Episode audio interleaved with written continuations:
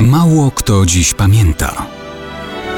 Datownik historyczny prezentuje Maciej Korkuć.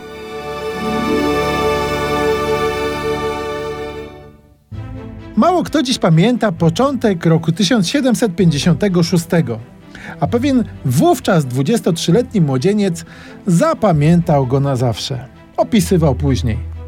Miała lat 25. Była w tej pełni piękności, która jest szczytem rozkwitu kobiety urodziwej.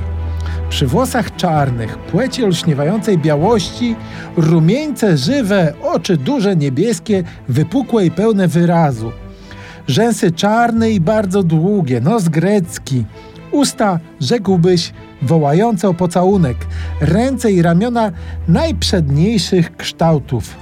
Kibić wysmukła, wzrost raczej słuszny niż mały, chud leciutki, a przy tym nadzwyczaj dostojny.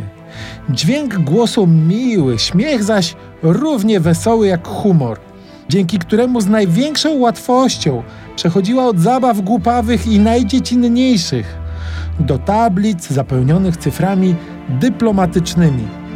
A wysiłek fizyczny nie trwożył jej więcej od samej treści. Hm.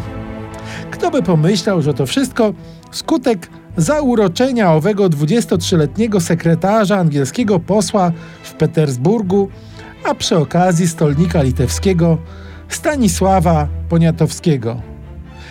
Późniejszego nieprzypadkowo zresztą króla Polski. A o kim to wszystko?